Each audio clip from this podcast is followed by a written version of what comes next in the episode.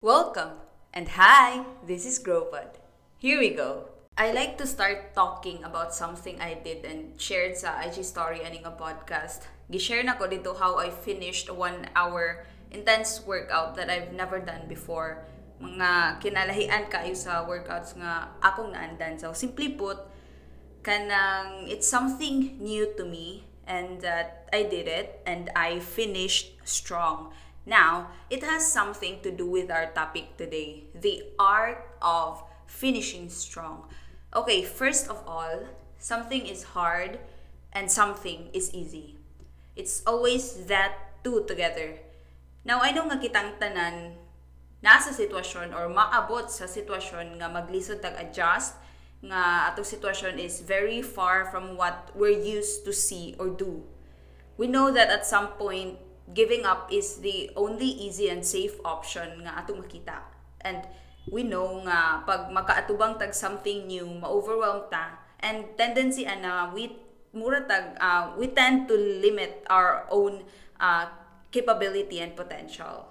Like, 'di ba when we meet someone nga of high rank, mura tag mauwaw og mahadlok. Mahadlok ta makigistorya, mauwaw ta and mangliit ta sa may kuan na sa may Bisaya.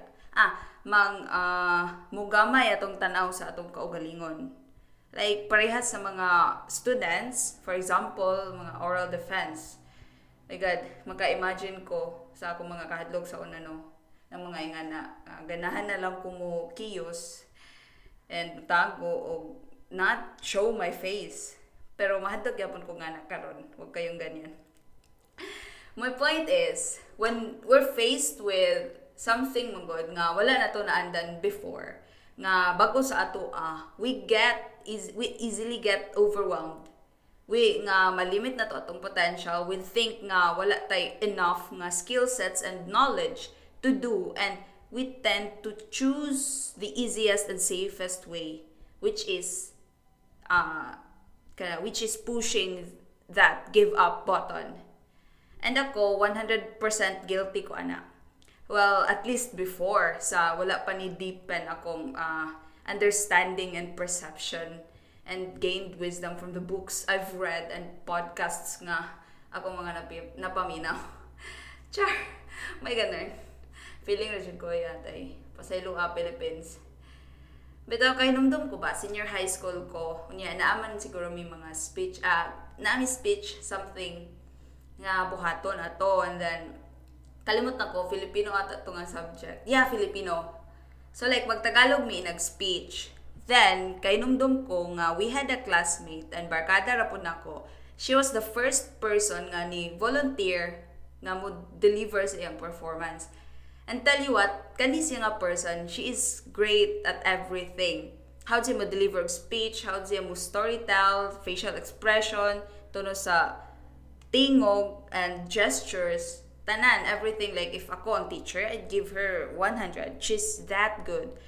And ako syempre I was so happy for her. As a friend proud kay ko as a friend. Proud ko nagtanaw sa iyang performance and her confidence. I'm proud but individual wise nanliit ko sa akong self gilimit na ko ako self I told my, I told myself oh my god di ko kabuhat og nga kanang I cannot nga mood so what happened basta moabot na na nga subject na mo. Syempre, basta na yung mga performances, if di gyud mahumantanan sa usa ka uh, sa usa ka oras, uh, continue gyud the next day. Unya basta kato na nga subject, sa kahadlok na ko mo perform, akong gibuhat. di ko musod para di ko mapilian. Mukat class ko niya. Timing kay afternoon classes mi niya. Kato nga subject is gabi na mahuman. So inigkat na ko diretso na ko uli. Di ba? I avo- avoid ko sa ni avoid ko para di ko ka perform and then of course that time wa ko ka realize nga sayop to akong way. Akong gibuhat is sayop and it was something uh, I mean we really can't escape something we really have to face whatever it is nga we're dealing o kato kung gibuhat was wrong, I thought nga I was playing safe nga by cutting class is di ko ka-perform. But then again, we can't escape. So kinanglan jud ko mo perform ato and the resulting is akong performance eh, performance is was bad. If you know what I mean, eh, like bad. So I thought I was playing safe, but I'm wrong. I was wrong. The moment nga escape to nako was the start of something hard sa akong kaugalingon. What I did affected me in a way nga I made myself so low nga wala na ako gi-open ang door for growth and wala gid siya nakatabang whatsoever. I've stayed in that comfort zone bitaw that ako sad mismo naghimo sa akong self-esteem nga ma worse than it already is. On that note, we can't expect for something to end without even starting it. Now, ang pangutana, how do we start and how do we end? So, I'd like to share some tips now about how to start and finish strong. So this is our these are purely based on my experiences at kay syempre we can't give something we didn't receive ourselves. So these tips nga ako mahatag are the things I personally did whatsoever to step out, to start and finish strong sa kung unsa may akong ma-face ug mga na-face. Now, this is for everybody, for whatever it is we're dealing and we will be dealing. Simply put, bisag unsang mga butanga or animala. Hoy. Yung animal. Now, finish strong. From the word strong, let's start with letter S. So S, start strong. Now, this is very self-explanatory. Ganong magpiyok ko. But yeah, before we commit, na, nipiyok na. Before, before we commit into something or do something small or extraordinary, we have to set our minds first to be strong. Kaya when things get rough on the way man good, when we stumble, it it will boil down, it boils down to how and why we started. Now, if nagsugod ta, nga strong atong mind, matik na nga atong mind pud mismo mo ingon sa atong self nga we should finish strong. Now, di ba I said nga kanang uh, something is hard and something is easy. Start, starting something is easy. It is finishing what we started ang mauilisod. 'di ba? Kay 'di ba? Like cute example, cute example lang taha kay dito mo the example nga dinagkog example kay wata ana. So, cute example, ganahan ka mo start mo learn og instrument, butang tag guitar. Starting sa yun ra kay with the resources and everything, maka-learn na kag 2 to 3 chords in just 5 minutes. Now, kahibaw na kag mga basic chord, so mo level up ka, ganan ka makatunog isa ka song. Now, as you progress, niabot ka sa point bitaw nga ma-frustrate ka kay dili mo coordinate imong kamot in extreme nimo. Unya, di pagid ka musically inclined, unya, wala kay strong will and mind uh, like in the first place. So like in the middle, sa frustrations nimo, you ended up not finishing the song and you found it hard to finish. And to be honest, akong self na akong example. Now, it is important nga, before ta musugod or commit into something, we have to set our intentions first and build ourselves strongly nga we're dedicated to finish whatever it is we're dealing with. So, someone said nga, if you're brave or strong enough to start, you're strong enough to finish. Now, second tip, very basic ra siya Second tip, letter, uh, second letter, letter T. Take your time. Now, unsay pasabot ani? It can mean nga take your time. Ayaw pagdali. Whatever you're doing, ayaw dali-dali ah, okay? Run at your own pace. Do things in your own amazing way, in your own amazing pace. Wala tagadali. Unsa mo pwede dalian, di ba? we're young. Let's take our time. And if by taking our time means failing a lot of times, then why not coconut? Bring it on, motherfucker. because the more we fail, the higher our level of perception increases, the more wisdom we gain, and the stronger we can become. Diba? The, the stronger we can become. The stronger, die. ah!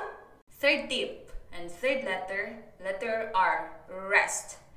This is connected sa taking our time, rest. Dagan kayo mag-ingon na nga rest if you must. Pero not everyone is actually paying attention to that. Trust me, not resting will only do more harm than good. Okay, if you push yourself too hard to finish whatever and then you don't take some rest, possible possible nga result ana uh, stress, burnout, even sickness. So instead nga mag-progress ka, you'll end up repeating what you started or naisayop sa imong nabuhat because your excuse is nasakit ka, labad imong ulo, wala ka sa kon- saktong condition or whatever. Or better yet, na burnout ka and burnout takes a long time to recover ba yun for some. At least for me, if ma-burnout ko, like one whole week jud ko magsigi o uh, magsigi ra higda walay gana sa tanan walay mabuhat and we don't want that to happen di ba di taganahan nga moabot ta ana nga point di ba di taganahan nga will end up giving up tungod sa kakapoy so yeah rest if we must but rest enough nga we don't waste our time pod basic ha basic ikaw, Pat. Letter O. Sa letrang O, 69. Bitaw, ikaw, Pat, is letter O. One step at a time. If gananta nga makakita tag results or progress, then let's make it one step at a time. You know, growing up, ang gitudlo jud sa akong mama is to learn to multitask. Kintahay ko no, if maglungag ko, while magpaabot sa nilungag, mag-anam-anam kog panghugas og panilhig. Ganan siya nga, dagan ko og mabuhat in a short period of time. And yes, that worked. A very great productivity po na. Uh, productivity tip po na. And na-apply na na ko siya until now. But, but, I realize nga it doesn't always work like that. It only works on things that are routinary na like while nag-ilis, magsindahan pud kag paminaw music niya sayo sayo gamay or while nagpaabot mo bukal ang ininit, 'di ba? Andamo nimo ang kape o imong tasa. Or pinatapulan style while nag-conditioner kasi imong buhok nag-anam pud kag panabon sa lawas. Or tan-aw kag one episode sa K-drama nga Something in the Rain nya one episode na pud sa Friends. Hangtod nga kinsay ma hum, unag kahuman nila char.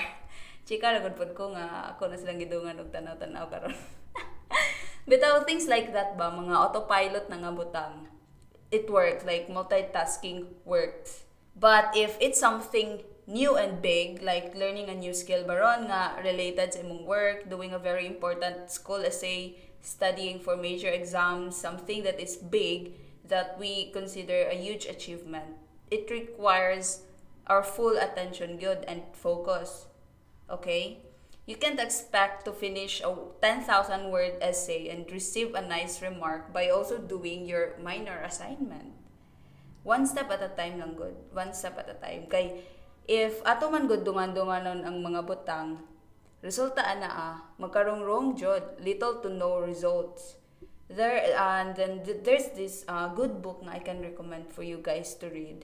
Book ni Stephen Covey, The Seven Habits of Highly Effective People dugay ko naman nagbasa ana kay gisabayan po nako og application sa iyang mga gipang sulat dito.